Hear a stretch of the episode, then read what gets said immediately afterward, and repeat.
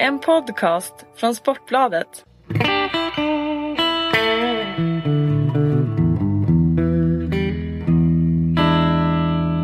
Välkomna då återigen till Sportbladets Premier League-podd. Eh, Vi som sitter här idag heter Patrik Syk, Erik Niva och Kalle Karlsson. Eh, Ni vet vilka vi är vid det här laget.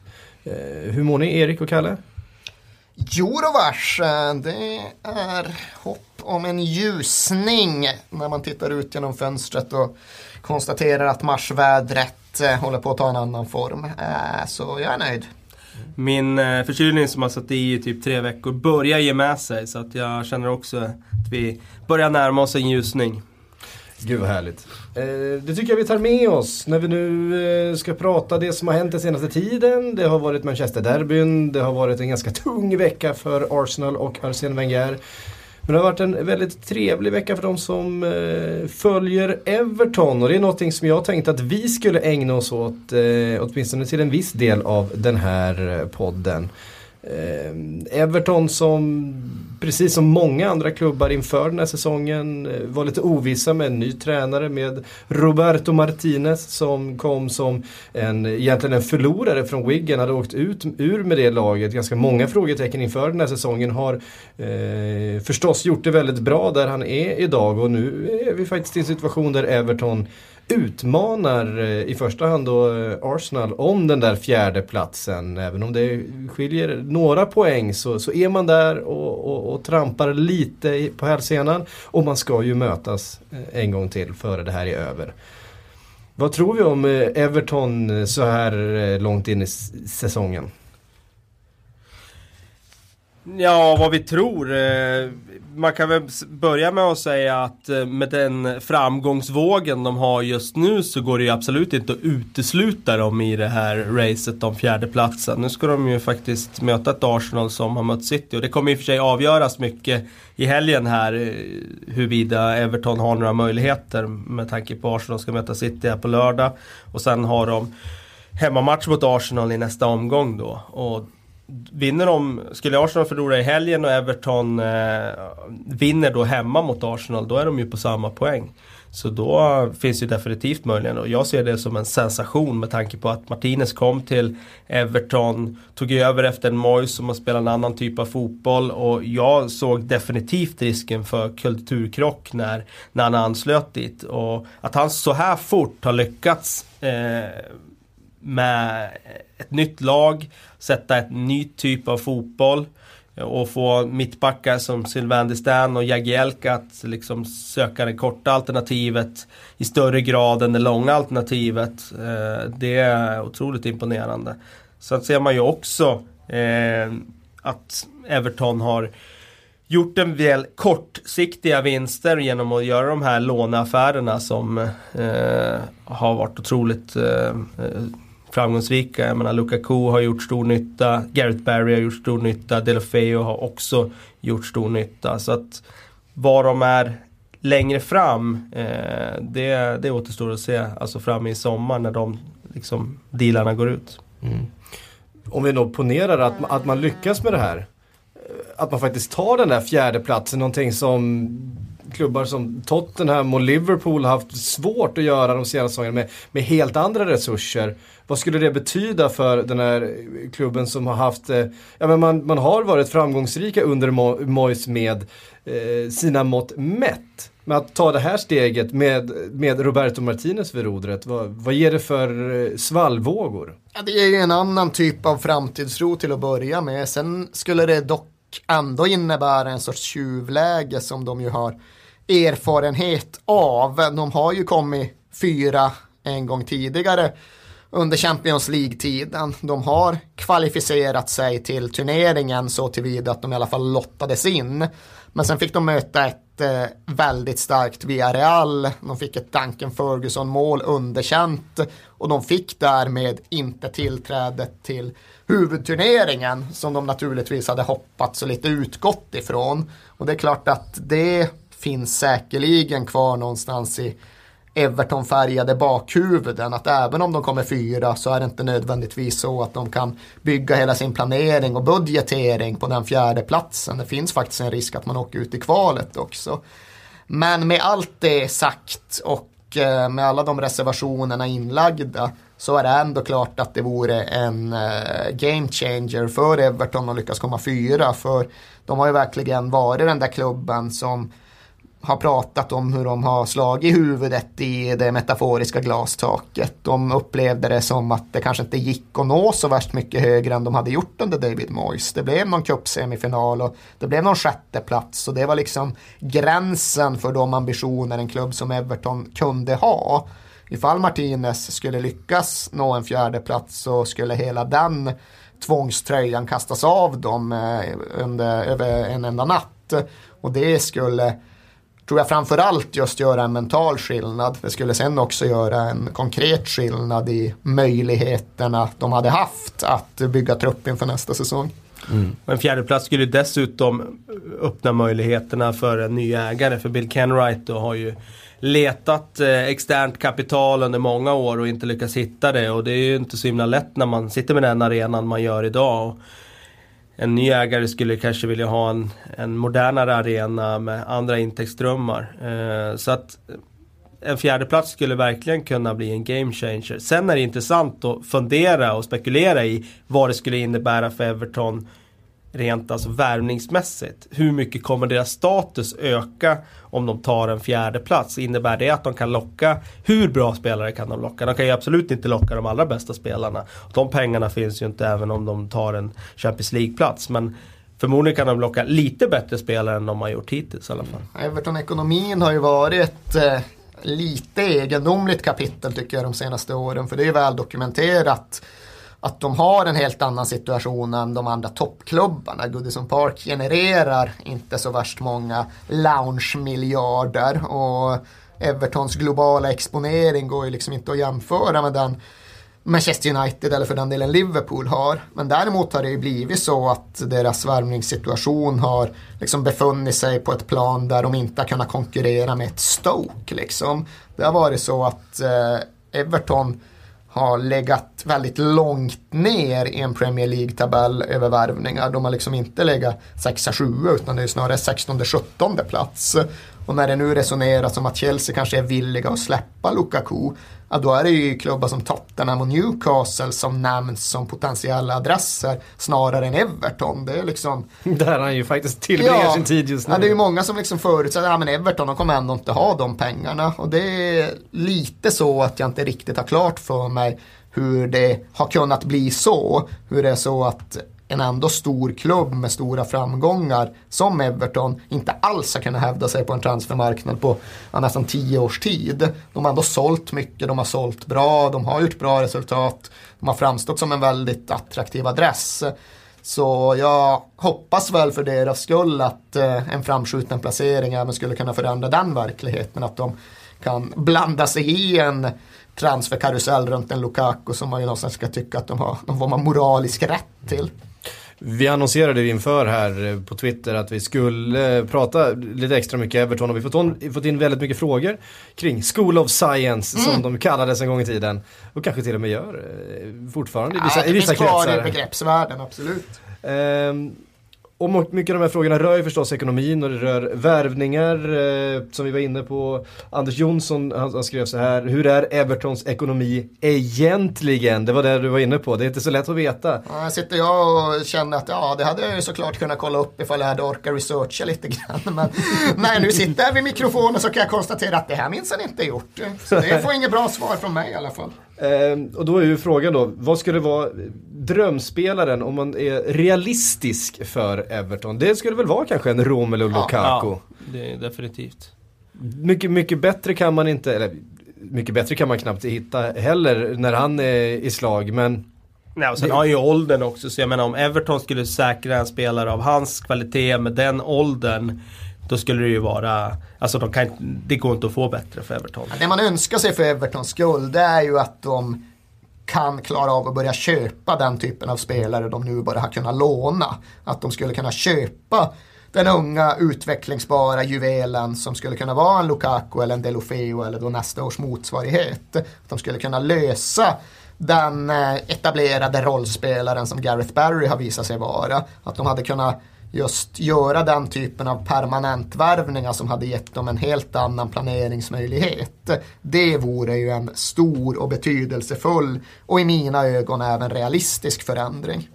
Min känsla är ju när det gäller Gareth Barry att nu har ju ett år till förlöpt och han är 33 det här året. Och City har ju fått in en alldeles utomordentlig ersättare där i Fernandinho. Så jag kan tänka mig att de pengarna som krävs för Barry i sommar är ganska låga. Så jag skulle tro att de kanske löser honom. Det är som det alltid är när man ska värva från dagens Manchester City. Att det blir ju en lönesituationsfråga.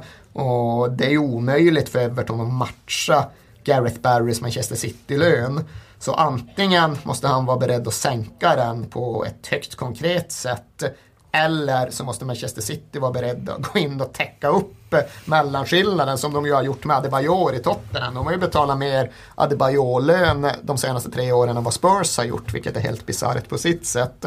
Men jag tror väl också att de hittar en permanent lösning och att det förmodligen blir någon mittemellan-variant. Att ja, Barry går ner en del i lön, men ja, han ser till att få med sig en rejäl payoff från Man City också. Jag tror kanske inte att det blir det där oerhört knepiga upplägget där de faktiskt löpande betalar en lönekostnad. Utan snarare någon form av golden handshake. För Citys del handlar det väl i, i största möjliga mån om att bara liksom minska, att inte, att inte förlora så mycket på affärer. Man har inget så jättestort intresse av att tjäna så mycket pengar på, på Gareth Barry i det här läget. Nej, de har inget intresse av Gareth Barry, på att säga. Nej, eh, precis. Nej, det är en eh, bokföringsfråga för dem, men de har visat sig vara kreativa på det området i andra sammanhang. Så de får nog ihop det. Som sagt, Gareth Barry, han kommer nog spela i Evertons mörkblå tröja även nästa säsong. Det är mycket mer osäkert med de två unga killarna. Mm. Men det finns ju gott om annan talang i Everton också som det ju finns frågetecken kring och klubbar som är intresserade. Jag tänker på Ross Barkley men jag tänker också på en eh, Mirallas till exempel. Som har gjort en, en väldigt fin säsong. Kan man hålla i de här, de här killarna när, när eh, lag som Arsenal kanske eller eh, tyska, spanska, italienska lag börjar intressera sig? Han vill se Seamus Coleman hamna i någon av medelhavsgiganterna bara för kulturkrockens skull. men jag tror Också ju... en succéspelare förstås från den här säsongen. Verkligen. Ja, men det är klart att det kommer alltid finnas den komplikationen och den finns ju numera för alla engelska klubbar. Att kommer Real Madrid, kommer FC Barcelona så då kommer det vara väldigt svårt att behålla sin spelare. Däremot så tror jag väl att Everton är en så attraktiv klubb numera att det är inte självklart att man går till Manchester City om man är morgondagens Jack Rodwell som väl kanske Ross Barkley är fast i ännu större kubik. Och det är definitivt inte självklart att man går till Ja, inte vet jag vilken den där tyska intressenten egentligen skulle vara. Det kan vara strunt samma med den saken. Det jag vill ha sagt är att jag tror att Everton är en attraktiv klubb att stanna kvar i eftersom att spelarna trivs så jäkla bra. Det är en familjär klubb som verkligen tar hand om de sina och de har en väldigt stark sammanhållningskänsla. Och det är numera också en upwardly mobile klubb, alltså en klubb som det känns som att de är på väg någonstans. Jag tror de individuella spelarna upplever det som att de utvecklas och blir bättre och de får uttrycka sig själv och liksom spela en fotboll som eh, är lätt att själv gilla att spela. Så jag tror verkligen att Everton är en av ganska få klubbar som verkligen kommer undan med att kalla sig själv för en attraktiv arbetsgivare. Okej, okay, det kanske inte är så att man vinner ligan i Everton och det kan säkert vara så att man inte får samma lön i den andra klubben. Men heter man James McCarthy och får ett bud från Arsenal då tror jag inte det är helt gjutet att man bara tar det reflexmässigt och direkt. För man funderar på ifall det är lika självklart att man får speltid. Man konstaterar att Martinez har haft en väldig tro på en själv och att man verkligen har fått ut någonting av sitt bidrag till Everton. Så jag tror verkligen att det ska mer till för en spelare att lämna Everton än ja, till exempel Tottenham. Man kanske också sneglar mot en Jack Rodwell som tog det där steget till Manchester City och sedan dess har hamnat i ganska långt ut i, i, i frysen där. Mm.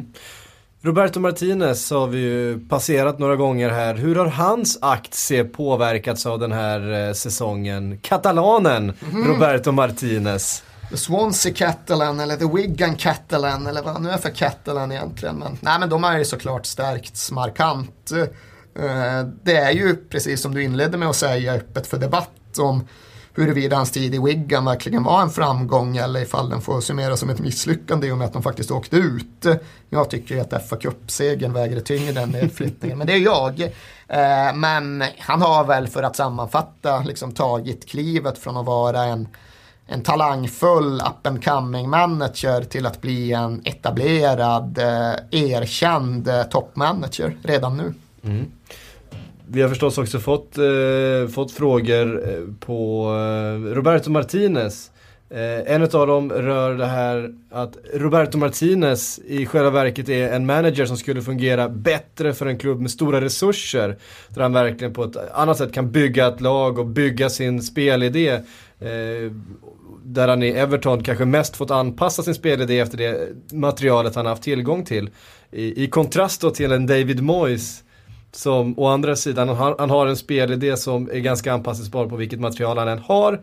Och det spelar inte så stor roll hur mycket pengar han, han betalar. Han kommer spela på ungefär det här eh, sättet i alla fall. Förstår ni kontrasten mellan de två och, och köper ni den frågeställningen? Jag förstår väl ungefär vart du vill komma även om jag inte riktigt köper det. Jag tror till att börja med inte att Martinez har anpassat sitt spelsätt sådär jättemycket utan han har nog sett till att eh, skapa sig ett manöverutrymme där han har fått det att fungera även i Everton.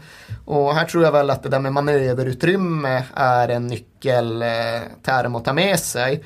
För på samma sätt som jag tycker att Everton kan ha trovärdighet i att framställa sig som en attraktiv klubb att spela för så skulle jag definitivt beskriva dem som en attraktiv klubb att leda och träna. För här finns tålamodet, här finns förståelsen och här finns den grundmurade fotbollskulturen som gör att en Roberto Martinez kan komma in och verkligen bygga någonting. Det är inte så att han förväntas skapa ett titellag på tio dagar. Det är inte så att han förväntas vinna varje match med 5-0 eh, och tvingas förklara sig inför någon nyckfull ägare ifall han inte uppnår det. Utan här får han ett mandat att göra någonting över tid. Han får det i en miljö där Bill Kenwright verkligen sätter klubbens långsiktiga goda framför någonting annat. Även om han inte alltid har plånboken för att konkurrera. Och han får det i en miljö där där det verkligen finns utrymme för att jobba på det här sättet och det tror jag inte man ska underskatta. Utifrån det ni har sett eh, över de senaste säsongerna, är det Roberto Martinez en tränare som vi kommer få se i någon av de stora europeiska toppklubbarna eh, någon gång inom en snar framtid? Snar framtid vet jag inte, men jag tror definitivt att han är en tränare som kommer att få chansen förr eller senare i, i en toppklubb. Han är, står ju också för en proaktiv fotboll, vilket gör att han skulle kunna passa i en klubb som, som vill föra matcher och jag tror att just det har blivit ännu mer aktualiserat efter att ha sett hur David Moyes eh, har klarat av Manchester United-uppgiften. Mm. Det har eh, svängt en del den senaste tiden i Premier League. Vi lämnar Everton där tycker jag, och går vidare till några av den senaste tidens händelser inte minst Manchester eh, City mot Manchester United som tog plats på Old Trafford i tisdags. En, eh, en överkörning får man väl kalla det, även om det där stora resultatet lät vänta lite på sig när 1-0 målet kom efter bara 47 sekunder så trodde man nästan att ja, men det här kommer stå 5-0 i halvtid. Eh, United stretade ändå emot eh, en del men, men eh, Fast det är inte intressant ändå att du säger att det stora resultatet lät vänta på sig. Jag menar 0-3 på Old Trafford. Det är ett stort resultat, tycker jag. Alltså sett över tid så hade United förlorat en match med 0-3 hemma tidigare. Det hade ju varit liksom en jättesmäll. Det hade varit en chock. Nu är det inte ens någon som höjer på ögonbrynen längre igen. Eller det är klart att det finns några som är förvånade men den stora massan tror jag inte är det. Utan känslan var att City kommer vinna och frågan var ja, hur mycket kommer de vinna med? Ja, det blev 3-0. Ja, det var ingen jätteskräll. Och det någonstans säger ju någonting om hur Manchester United bara har rasat ihop den här säsongen. Mm. Man är inte förvånad när de förlorar hemma med stora siffror. Ja, som de har sjungit nästan 15 års tid med United-fansen. This is how it feels to be city. This is how it feels to be small. Ja, det är så där det känns. Det är faktiskt så att eh, jag tror att den här matchen var matchen då Manchester United för första gången på riktigt, riktigt allvar fick känna känslan av att vara underlägsen. Och nu menar jag naturligtvis inte att Manchester City är en historiskt större klubb, bla bla bla, traditioner, allt det där. Det menar jag inte. Men här och nu så är det liksom så att Manchester City är långt före på i stort sett alla plan, framförallt på planen. Manchester City må ha förlorat mot Barcelona, men de är ett stort lag. Manchester United är i nuläget ett litet lag, både bildligt och bokstavligt. Och därför blir det den där liksom känslan av att ett 3-0-resultat är logiskt. Ett 3-0-resultat är normalt. Ett 3-0-resultat hade kunnat vara större. Det var lätt att se den typen av resultat komma. Och det är när man har nått en så låg punkt som man verkligen får känna på hur det är att vara liten i jämförelse. Och där är de nu. Mm. Och det var inte första eh, gången man förlorade med 3-0 på hemmaplan. Man gjorde det mot den andra ärkerivalen Liverpool bara veckan innan. Hur, eh, vi har varit inne på det så många gånger här med David Moyes och någon sorts ansvarsutkrävande. Men hur mycket mer orkar supportrarna? För, för, före man liksom på riktigt tar sitt stöd ifrån allt som heter eh, Mois och ledning och spelare. Jag tycker den där kritiken börjar bubbla mer och mer nu. Eh, man ser mer och mer att eh, det vädras och att det blir liksom som en Det blir delat i två olika läger mellan de som till envishetens liksom yttersta gräns vill stå för det här med kontinuitet och tålamod. Och sen har vi den här mittengränsen, som, eller mittengruppen då som nu börjar liksom vackla och säga att ja okej, okay, jag, jag håller med om att en tränare ska få tålamod. Men det här har verkligen barkat åt fanders och det här kommer inte att kunna vända. Och så har vi den där eh, skaran som jag upplever blir större och större av de som redan har gett upp och sagt att Moise måste bort, det måste till en förändring. Han är inte rätt man för det här. Jag upplever att eh, trycket är enormt. Jag tror ändå att han kommer få stanna säsongen ut för att det är för sent för att göra ändringar. Det är bara sju omgångar kvar. De har redan missat Champions League-platsen. Det spelar ingen roll om de byter tränare. De kan inte ta den ändå. Och Champions League, det är liksom, de möter Bayern München. Det är ingen ny tränare som kan greja det i alla fall. Så spela av den här säsongen. Men när den här utvärderingen görs i sommar, som den kommer att göras och hade gjorts även om det inte hade gått så här dåligt. Det görs alltid en utvärdering av en säsong så kan inte jag komma på en enda positiv grej som talar för att David Moyes ska stanna. Ingenting positivt har han tillfört Manchester United. En av mina favoritnyheter från idag var det här att eh, Manchester United-supportrar nu har startat en insamling för att kunna köpa reklamplats på en sån här banderoll som flyg, följer efter ett flygplan som man då ska flyga över Old Trafford när de möter eh, Aston Villa där det ska stå Moyes out hur tror ni David Moyes känner? Alltså man står där vid planen, helt plötsligt kommer det ett flygplan ovanför med en stor banderoll, Moyes out. Hopskramlad det... utav, utav folket på läktaren. Jag tror att David Moyes kan hantera det. Jag tror att han är tjockskinnad nog för att klara av det.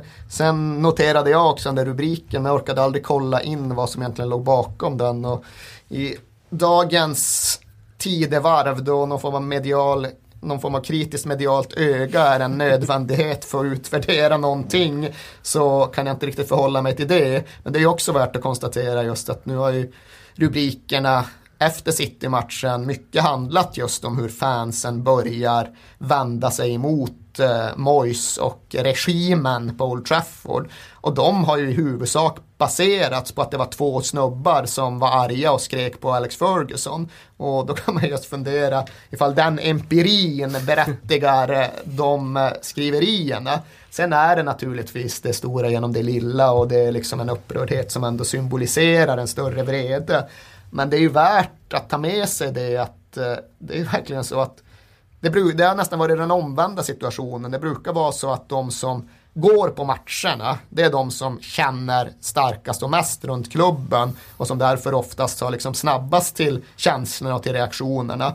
Här är min upplevelse definitivt att ju längre från Old Trafford folk har varit den här säsongen, ju starkare har motståndet mot Moyes varit. Liksom internetcommunityn i Filippinerna, de tappade fan tålamodet med Moyes efter två matcher. Medan Old Trafford fortfarande inte riktigt har gjort det.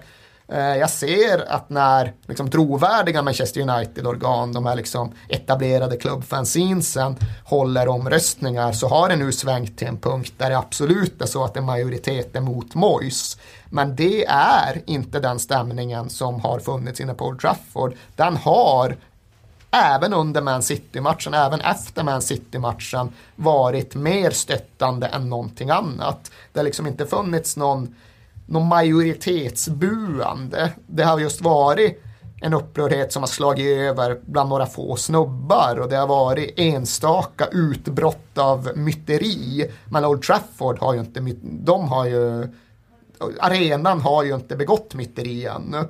Och det är en stor sak, både vad det gäller att berömma arenan och folket som är där för deras tålamod och deras förståelse och deras eh, insikt i vad som har gjort Manchester United unikt. Men också som en helt reell faktor i att hade Old Trafford brutit ut i unisont buande i december, då tror jag Moise redan hade varit rökt. Jag tror verkligen att ägarfamiljen har tagit in arenans reaktion i sin egen utvärdering av honom. Sen tror jag väl att Moise uppriktigt sagt någonstans ändå spelar för sitt liv i samband med Bayern München-matcherna.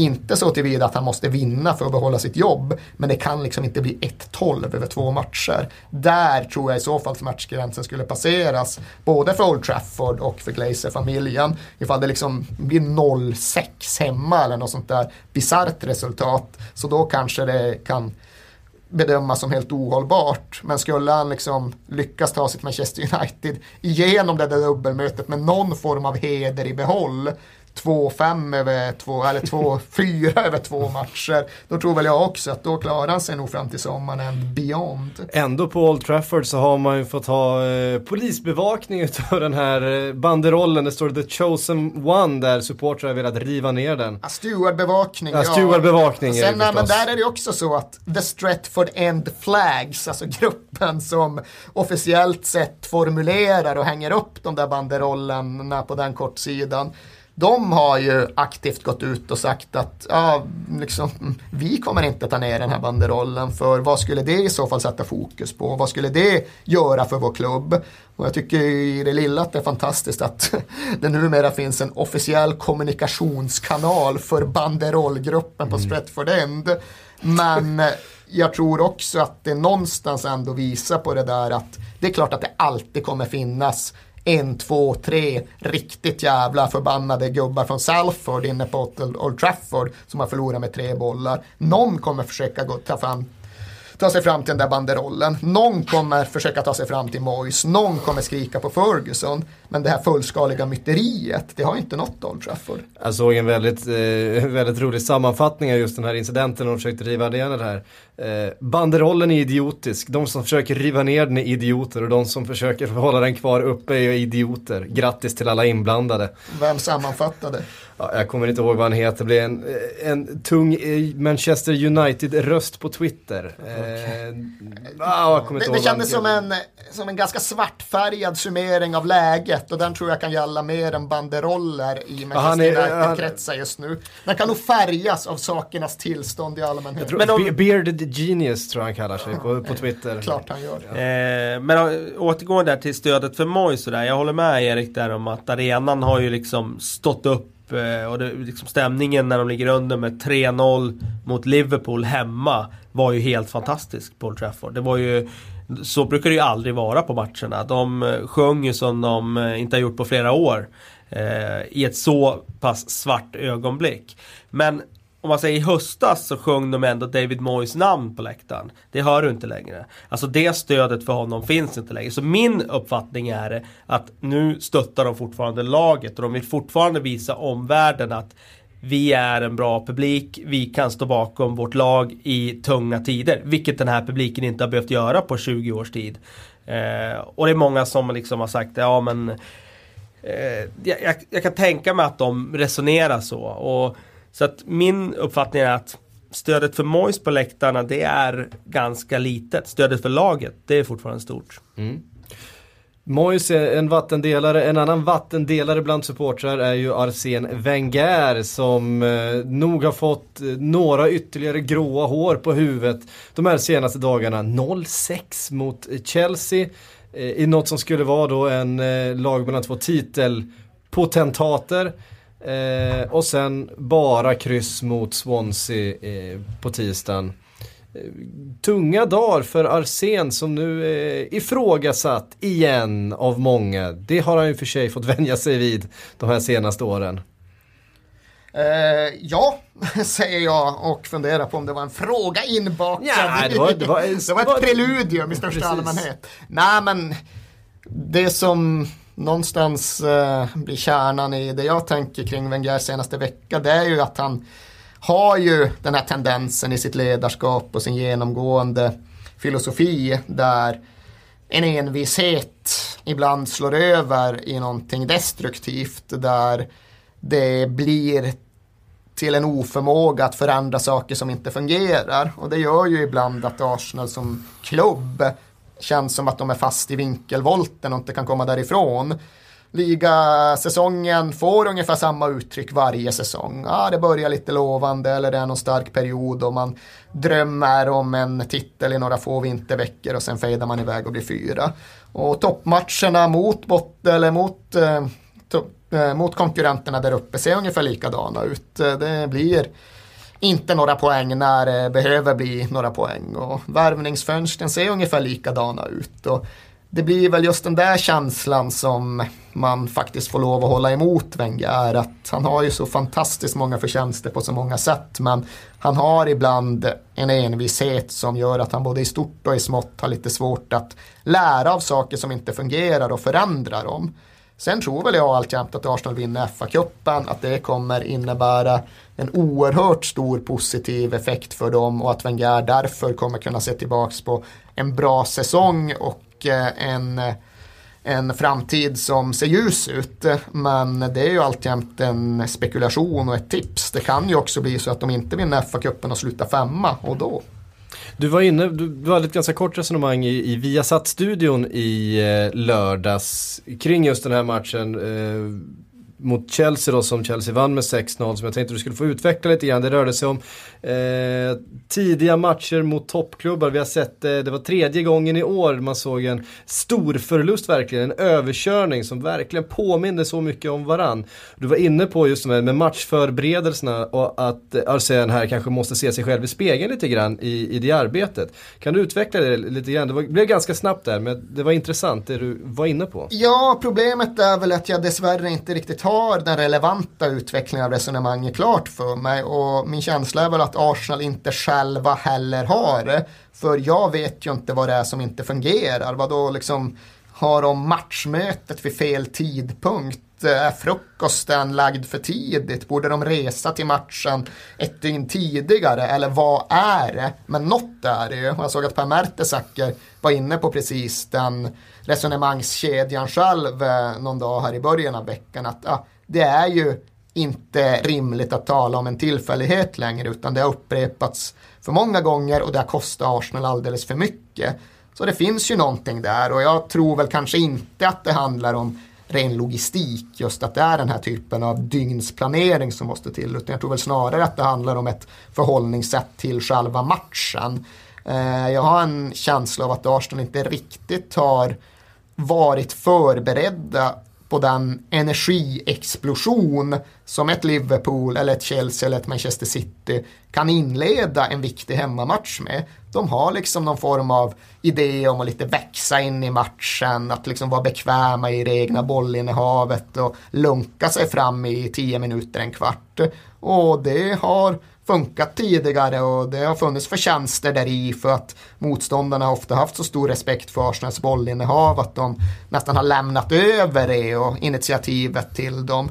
Men det finns liksom inte kvar och det har ju också att göra med att just nu har de problem på det inre mittfältet. Att det är inte samma sak att pressa Flamini och Sled Chamberlain som det är att pressa Özil och Wilshire. Det är lättare att få bollvinster ifall man gör det. Men ja, för att försöka konkretisera den här utläggningen någorlunda så är väl min känsla att det finns någonting i Arsenals sätt att förhålla sig till en matchinledning som måste förändras. De måste vara ännu mer aggressiva, ännu mer fokuserat påkopplade redan vid den första visslan än vad de har varit det senaste året eller så.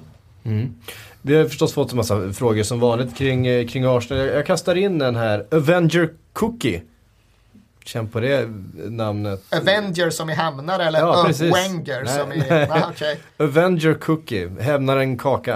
Eh, skriver så här, det ryktas mycket om en avgång för Wenger. Om så händer, vem är rätt man? Eller kvinna, jag bara säger det. Eh, Pia. vem är rätt att ta över efter i sådana fall? Jag tror, ja, jag tror till att börja med att Wenger förlänger så får jag det sagt. Sen lämnar jag över resten till Kalle. Ja, jag tror också att han förlänger. Det utgår jag ifrån. De kommer att vinna den här titeln. Eh, fa Cup-titeln som kommer vara enormt efterlängtad.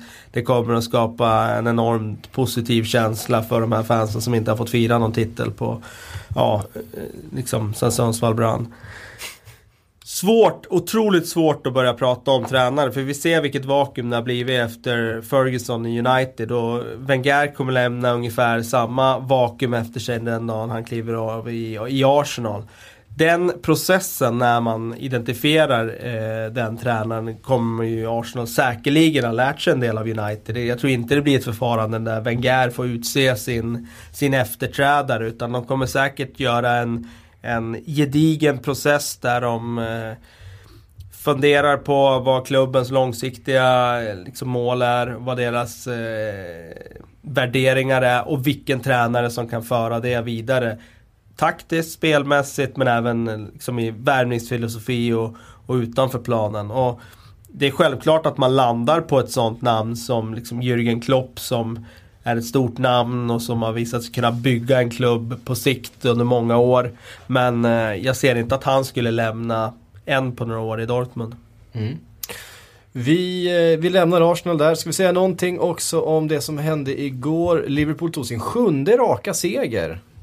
Herrejösses, det är, inte, det är man inte bortskämd med som, som Liverpool-supporter. Ja, du kanske vill säga något själv om det? Eh, nej, jag såg har inte matchen så jag lämnar över ordet. Ja, Ja, jag såg matchen och det var väl inte kanske en sån Liverpool-seger som vi blivit vana med i den senaste tiden där de öser på framåt och vinner komfortabelt. utan- 6-3 känns naturligt. Ja, precis. Utan det var ju faktiskt ett Sunderland som spelade väldigt, väldigt bra. Eh, kom dit med en trebackslinje, vilket var intressant. Eh, fick effekt av det. Jag tycker att de stängde ner Liverpool på ett otroligt bra sätt. Och man är ju van med att Liverpool skapar så mycket chanser, men den här gången så Även om man tittar på målen också så är det en frispark som Manone ska ta, tycker jag. Eh, det är ett skott som ändrar riktning i andra halvlek från Sturridge där. Det är de målen de gör. Och Sunderland hade ju faktiskt efter reduceringen där eh, någon riktigt vass chans att faktiskt göra 2-2. En boll i ribban. En boll i ribban, då hade i och för sig Sturridge en boll i ribban precis efter, så det jämnar väl ut sig. Men de hade ju även någon nick på hörnan där som smet precis utanför stolpen i 84 minuten eller vad det var. Så att, eh, blev imponerad av Sunderland och kände att eh, Poirier har så pass mycket idéer och så pass eh, eh, mycket att liksom eh, komma med. Så att hade han fått mer tid i Sunderland så hade han säkert räddat dem kvar. Det leder oss, den matchen leder oss lite in på den första frågan för jag tänkte att vi skulle kliva in här och ta lite eh, Jag kan ju lyssnarfrågor. vara en lyssnare först i och med att Ja. jag inte såg matchen. Att eh, det jag har läst mig till och det jag har hört om den var jag är ju ofta minst lika fascinerad av liksom psykologin runt matchen som av eh, själva spelet. Och det som har refererats var ju att det var ett väldigt ängsligt Anfield från läktarna ner till planen. Vilket jag då tolkar som att helt plötsligt har klubben och staden kommit in i ett känsloläge där det finns någonting att förlora. Nu spelar de för en titel som de kan förlora snarare än att surfa på någon jävla uppåtvind och konstatera att fan det kanske blir en fjärde plats och jäklar allt därutöver vore ju någon form av superbonus.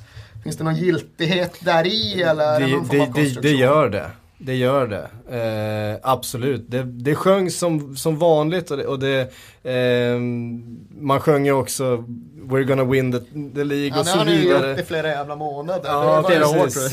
Ja, men det var ju tabu tidigare. Men det, Ja, var ju, det kändes ju tidigare så Men det Liverpool känd- började sjunga den eftersom att det var ett skämt. Liksom. Ja. Att ja, man kunde kosta på sig att sjunga den förbjudna sången på samma sätt som man sjunger We're gonna win 6-5 när man ligger under med 5-0. Nu har det på någonstans blivit på allvar och då vet jag fan om man kan sjunga den. Nej, det kändes som det var med, med en liten klump i halsen på något sätt man, man gjorde det den här gången. Det var ängsligt. Men man kände ju ängsligheten tyckte jag efter Och- reduceringen. För då Ja. blev det så här, oj vänta. Fan det är bara ett mål upp.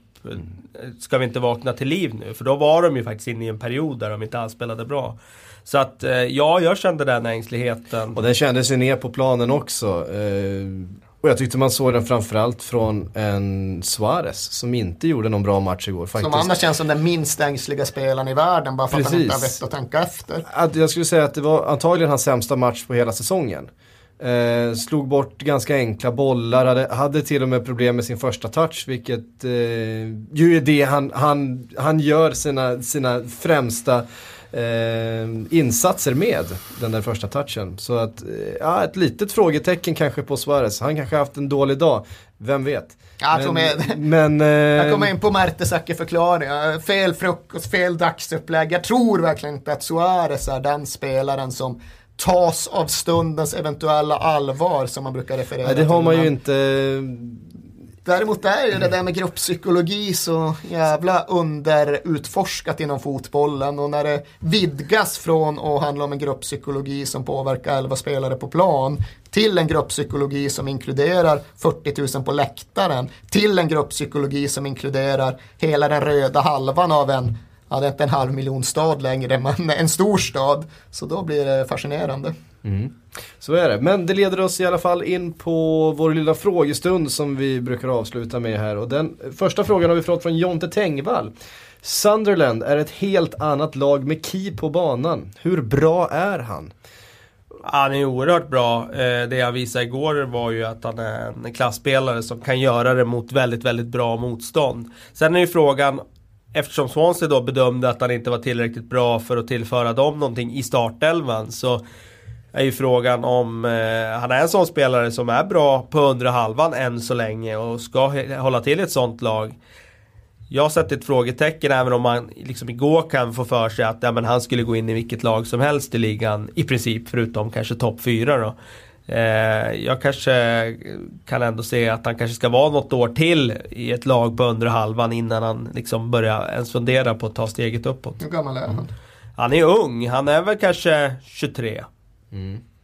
Ändå, ändå eh, lite märkligt att en klubb som Swansea släpper honom till, eh, det är som du säger, det väcker ju några frågetecken kring honom. Att de släpper iväg honom på ett lån.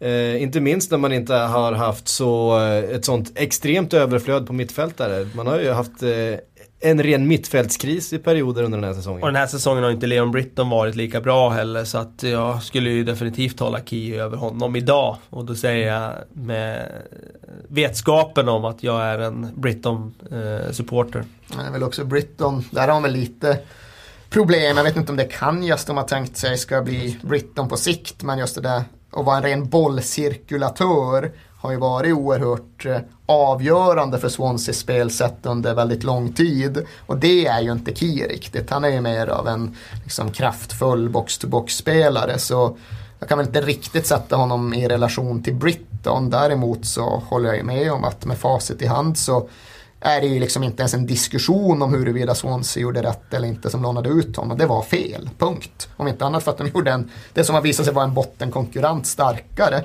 Eh, så jag vet faktiskt inte ifall det finns någon form av förklaring där bakom eller om det helt enkelt bara var en eh, dåraktig missbedömning av Mikael Laudrup och hans polare. Mm.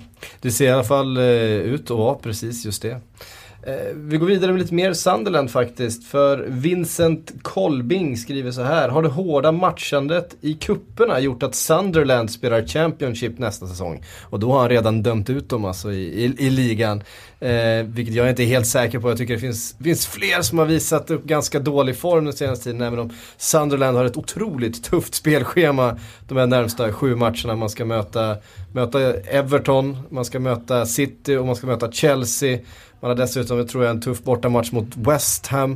Um... Ja, men jag, jag, tror att Sunderland riskerar att bli det där laget som man kollar på när säsongen är slut och känner att hur fan kunde de åka ur? För de är ju bättre än så. Poirier har gjort det bra och de har bra spelare och de har visat stora tendenser i sitt spel till att det finns något riktigt bra där i. Liksom ett material för kanske övre halvan.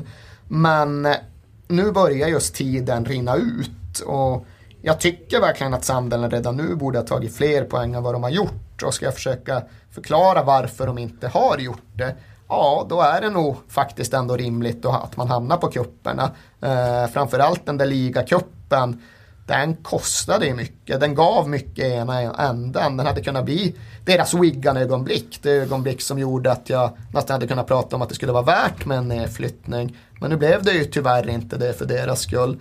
Men eh, för att återigen svara på frågan så tror jag väl att ja, det riskerar nog att bli så. Det riskerar att bli så att Sandelen åker ur utan att man inte riktigt, utan att man riktigt fattar varför och man därför får lov att använda kupperna som förklaring för det finns något där. Mm. Eh, vi har som sagt fått väldigt mycket frågor och det tycker vi är väldigt roligt. Vi älskar när ni kommunicerar med oss på detta sätt. Eh, en av de eh, lite märkligare frågorna, eller kanske, kanske just därför mest intressanta ja, frågorna som vi har fått på, på, i alla fall de senaste veckorna. Den har vi fått av Marcus Jongård. Han undrar så här, behövs fler bestraff, bestraffningsnivåer än gula och röda kort? Till exempel fem eller tio minuter som i bandy. Eller ett orange kort. Vad säger ni? Vad skulle det orangea kortet då betyda? Ja, att, nu får du fan lugna ner dig för att det räcker, näst, näst, nästa, nästa avblåsning så åker du. Ja okej, okay. då skulle det räcka med en avblåsning. Nej, alltså jag är ju traditionalist på det sättet. Jag tycker att eh, det, det, är klart att det skulle kunna kanske finnas en poäng i liksom en utvisning på 10 minuter. För att vissa typer av utvisningar tycker man kanske att ja, det var för hårt med en utvisning. Men jag tycker nog att fotbollen ska hålla sig på det sättet i alla fall till de reglerna som, som vi har haft ett antal år och som jag tycker fungerar förhållandevis bra Jag tycker väl kanske inte reglerna alltid fungerar så där jävla bra men jag tycker ju däremot att eh, det nästan alltid var bättre förr. Eh, och då pratar jag naturligtvis i det här sammanhanget om en återgång till det läget som fotbollssporten befann sig i under bra många årtionden. Där det röda kortet var någonting väldigt sällsynt. Där man som lag kanske drabbades av en eller två utvisningar per säsong. Jag tycker att det röda kortet delas ut alldeles för lättvindigt numera. Och det har mest med regeldirektiven att göra, mindre med domarna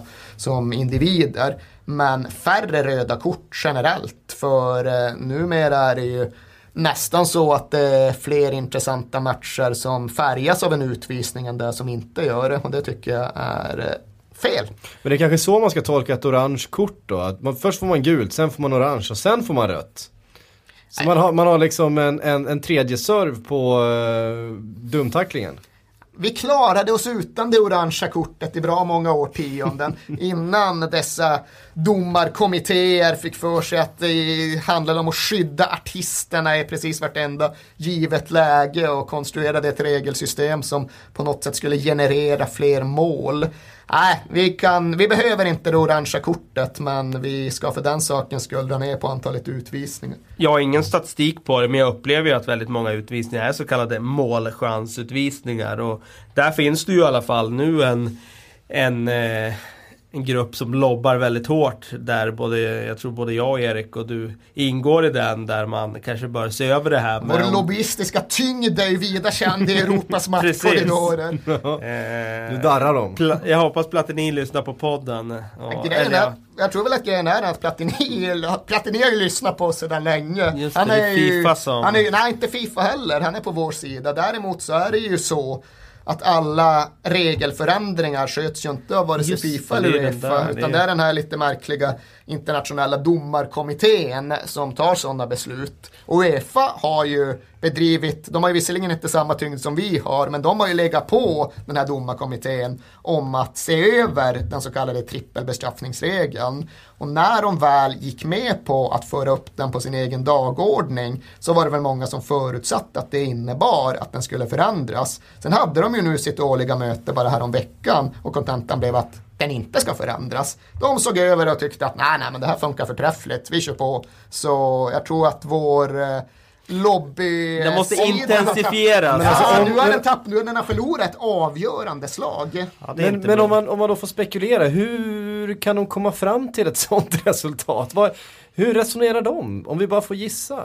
Alltså rent övergripande så har jag verkligen den känslan av att de flesta förändringar som har kommit de senaste 20 åren, VM 90 brukar jag faktiskt ofta använda som någon form av brytpunkt för Det fanns det var- väl hemåtpassen Ja, också, det exakt. Nej, men det var en turnering som jag tror att eh, man i utvärderingen efter eh, såg på på ett sätt som innebar att nej, men nu måste vi försöka lätta upp fotbollen. Nu har det blivit för brutal och för cynisk och för cementerad i någon form av defensiv utgångspunkt. Att nu måste vi försöka lätta upp den.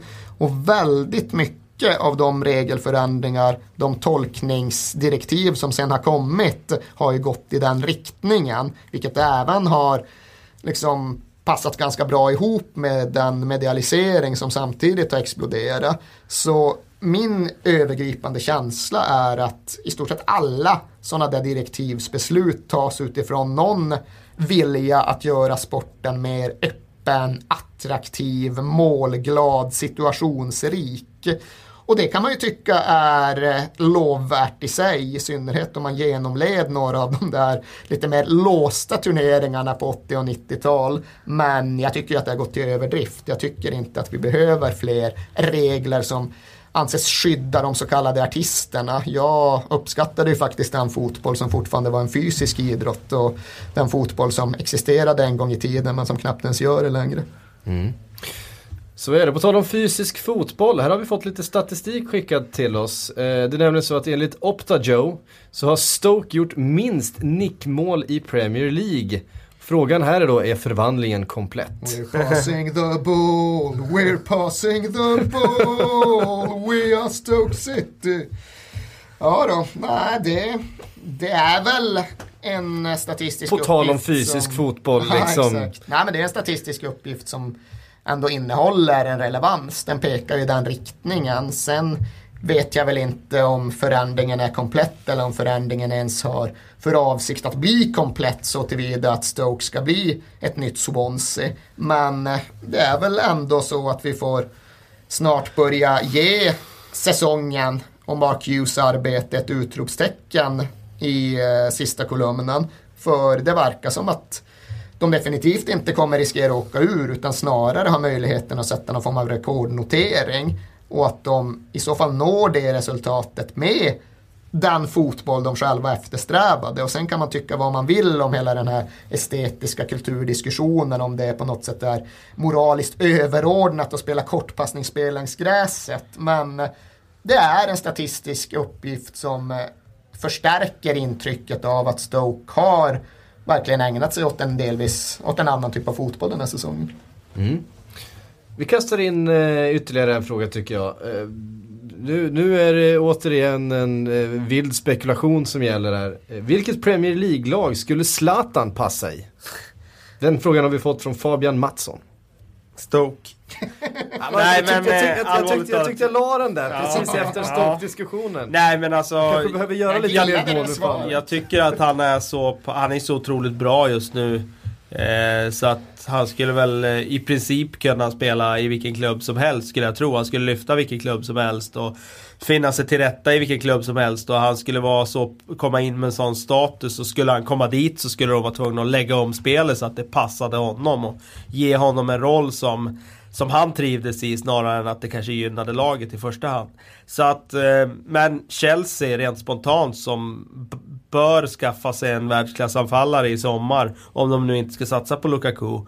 Där eh, finns det ju den där givna platsen för honom. Och skulle de ha en spelare av Zlatans kvalitet så då skulle de vara uppe på den där nivån att de skulle kunna fightas med Bayern München, Real Madrid och, och Barcelona faktiskt. Det blir nästan mer intressant att vända på frågan och liksom låta hunden bita mannen istället. Eller låta mannen, mannen bita hunden menar jag givetvis. Var skulle Zlatan passa som sämst i Premier League? Och jag tror fan jag svarar Liverpool på den frågan utan att orka utveckla det och bara låta folks suggestiva fantasi eh, spinna iväg och fundera kring det själva. Men jag tror att det är mitt svar. Vilken Premier League-klubb skulle ha minst nytta av Zlatan? Liverpool. Aj, jag är inne på det också. Hur mycket jag än älskar Att Zlatan. de har ju och- två liksom strikers som levererar på ett sätt som det går knappt att göra mer. Och jag menar, ska han in då i tvåmannaanfall? Nej, nej. Det är Ett- inte riktigt Zlatan. Ett tvåmannaanfall som, som, bygger, som, bygger, som bygger mycket på 30 meters löpningar liksom. Ja, Du ska slå- snabba du ska, slå, du ska slå omställningar. din gubbe och, Snabba omställningar. Nej, Ja. ja, nej. och gärna inte spela mycket med ryggen mot mål och så vidare. Nej. Eh, om, ni får, om, ni, om ni får välja då, om ni f- bara f- ni på, bara, Får välja, vi får placera någonstans. Stoke! Precis. Jag gillade det jättemycket. Ja, okej. ja. ja, jag säger Chelsea då. Eftersom de behöver en anfallare. Det vore ju, för hans del vore det väl fantastiskt. Då skulle han ha en jättechans att vinna Champions League också tror jag. Då säger jag West Ham. Sam Allardyce med, med verktyget Zlatan i, i verktygslådan. Då skulle han vara tvungen att bli Alardici.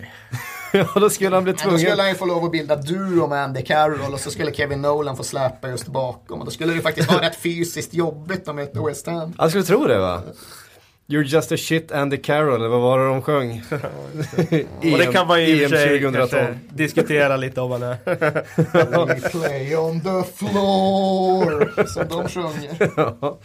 Eh, Henrik Lidman, vilket lag i ligan anser ni filmar mest? Trött på otyget? Sänk ett par gäng nu. Ja, jag är trött på diskussionen måste jag tyvärr erkänna så jag passar den. Du passar den. Ja, Du sänka ett gäng.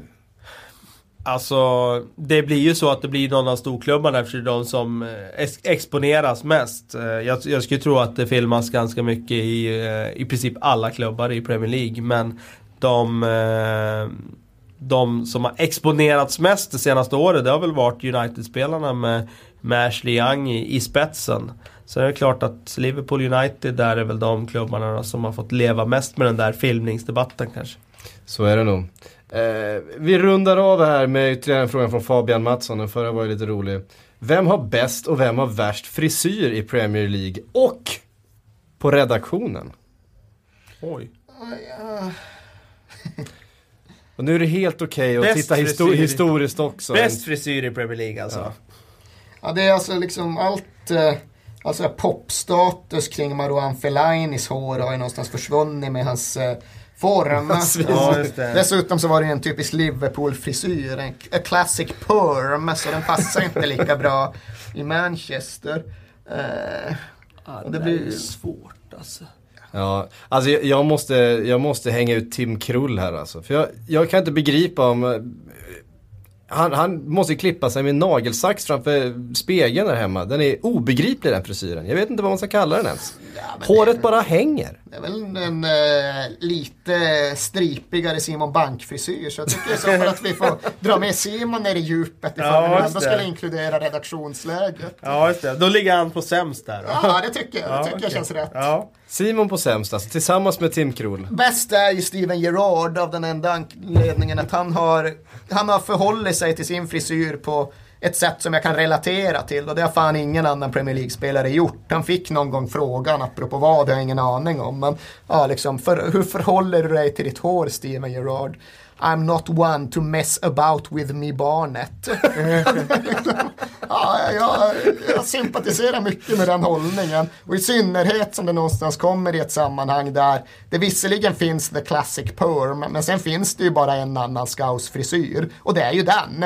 Det är ju liksom Steven Gerrard, John Flanagan, alla de människor som kommer från Merseyside och inte Jay Spearing har ju i stort sett samma frisyr, samma bekymrade, fårade panna och det gör att jag värdesätter det ännu lite mer. Om man ska vara sån så finns det två, två, två typer av utseenden i Liverpool. Den ena är den här Jay Spearing, Wayne Rooney-varianten. Den andra är Steven Gerrard, Jamie Carragher, John Flanagan-varianten. Och den sista är jag oerhört svag för och det är ju väldigt eh, tacksamt att sätta sig själv i någon så här rasbiologisk diskussion men jag vet att Simon, mannen med redaktionens sämsta frisyr, redan har varit inne på det. Han har liksom tagit fram en massa så empiriskt bildunderlag för att visa på det typiska Merseyside-utseendet. Och det är ju just den där, en kille som är not one to mess about with me barnet och sen den här bekymrade, fårade pannrynkan som ju både Carragher och Joey Barton och Gerard och ja, alla som kommer från Merseyside av någon anledning har utvecklat. Det är man ju väldigt förtjust i. Ja. Ehm, Jag tror vi släpper det där med bra frisyr här på redaktionen för jag kommer inte på någon. Bra frisyr. Nej, men jag kastar in Patrik Sjögren där. Han, han, han lägger ner en hel del tid på sin frisyr. Det skulle jag vilja... Det ser du som positivt. Det ser jag som positivt. Emil Lagnelius lägger ju ner mest tid skulle jag tro av alla här på redaktionen på sin frisyr. Sen om den är bra eller inte, det får, ja. I, I'm not one to mess about with me barnet. Nej, And with others barnet. Men bra, det tycker jag får runda av den här veckans eh, Premier League-snack i vår lilla poddstudio. Tills vi hörs nästa gång, ha det fint.